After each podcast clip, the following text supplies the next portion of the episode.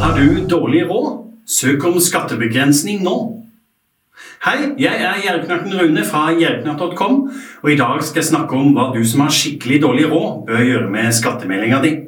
Mange tror jo at staten ordner alt og sikrer at du betaler kun det som er nødvendig av skatt, men faktum er at mange med dårlig råd går glipp av tusener av kroner fordi de ikke søker om skattebegrensning. Mediene flommer for tida over med tips fra forbrukerøkonomer og andre om hvilke skattetriks man kan benytte seg av for å senke skatten mest mulig. Sjekke poster på skattemeldingen for å sikre at man får fradrag for det man faktisk har krav på. Men folk med dårlig råd har ofte lite å hente på sånne råd. Men det fins en mulighet eh, som det ikke fortelles særlig mye om, nemlig at folk med dårlig økonomi kan søke om å få ettergitt eller nedsatt skatten.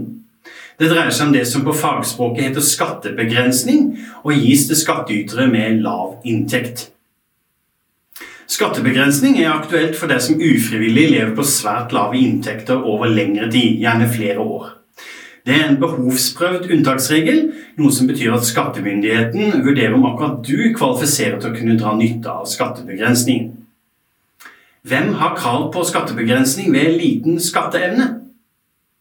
Skatteloven sier at det kan gis skattebegrensning når en enslig skattyter eller et ektepar er i en sånn økonomisk stilling at den enslige skattyteren eller ekteparet har et påtagelig behov for skattebegrensning. Det er et vilkår at man har så lav alminnelig inntekt at den ikke er tilstrekkelig til å dekke et nødvendig nøkternt underhold for vedkommende sjøl og de personer vedkommende har plikt til å forsørge.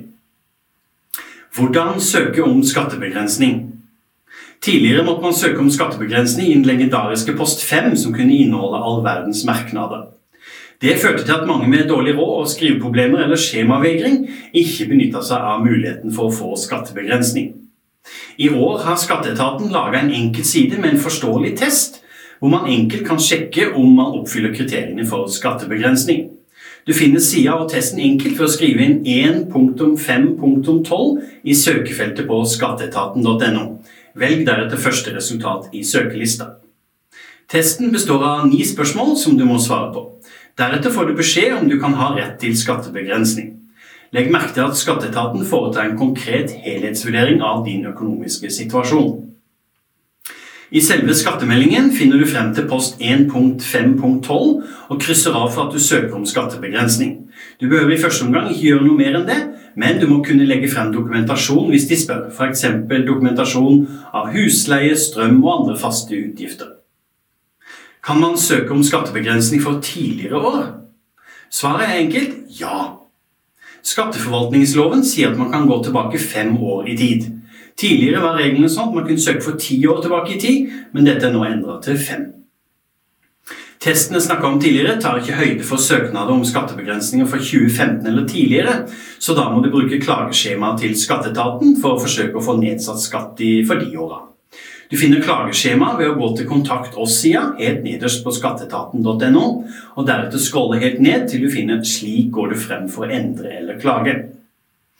I dette skjemaet må du passe på å få med teksten 'Jeg søker skattebegrensning for' altså årstallet du søker for, grunnet lav skatteevne, jf. paragraf 17-4. Du kan altså søke for flere år samtidig, men bare bakover i tid. Hva skjer når du søker om skattebegrensning? Alle søknader om skattebegrensning behandles av en saksbehandler. Det tar selvsagt tid, og du kan derfor ikke regne med å få skatteoppgjøret før utpå høsten. Husk å søke hvert år om du har vedvarende dårlig råd. Siden skatteetaten ikke har tilstrekkelig kunnskap til å vite om livssituasjonen din har endra seg, må en mulig skattebegrensning vurderes på nytt fra år til år. Selv om du har fått skattebegrensning før, er det ikke sikkert at dette gjelder fremover også. Du må derfor søke på nytt hvert år. Takk for meg. Dersom du likte dette innlegget, håper jeg du har lyst til å ta en titt på nettsida mi, gjerriknapp.com, og ellers følge meg på sosiale medier som YouTube, Facebook, Snapchat og Instagram.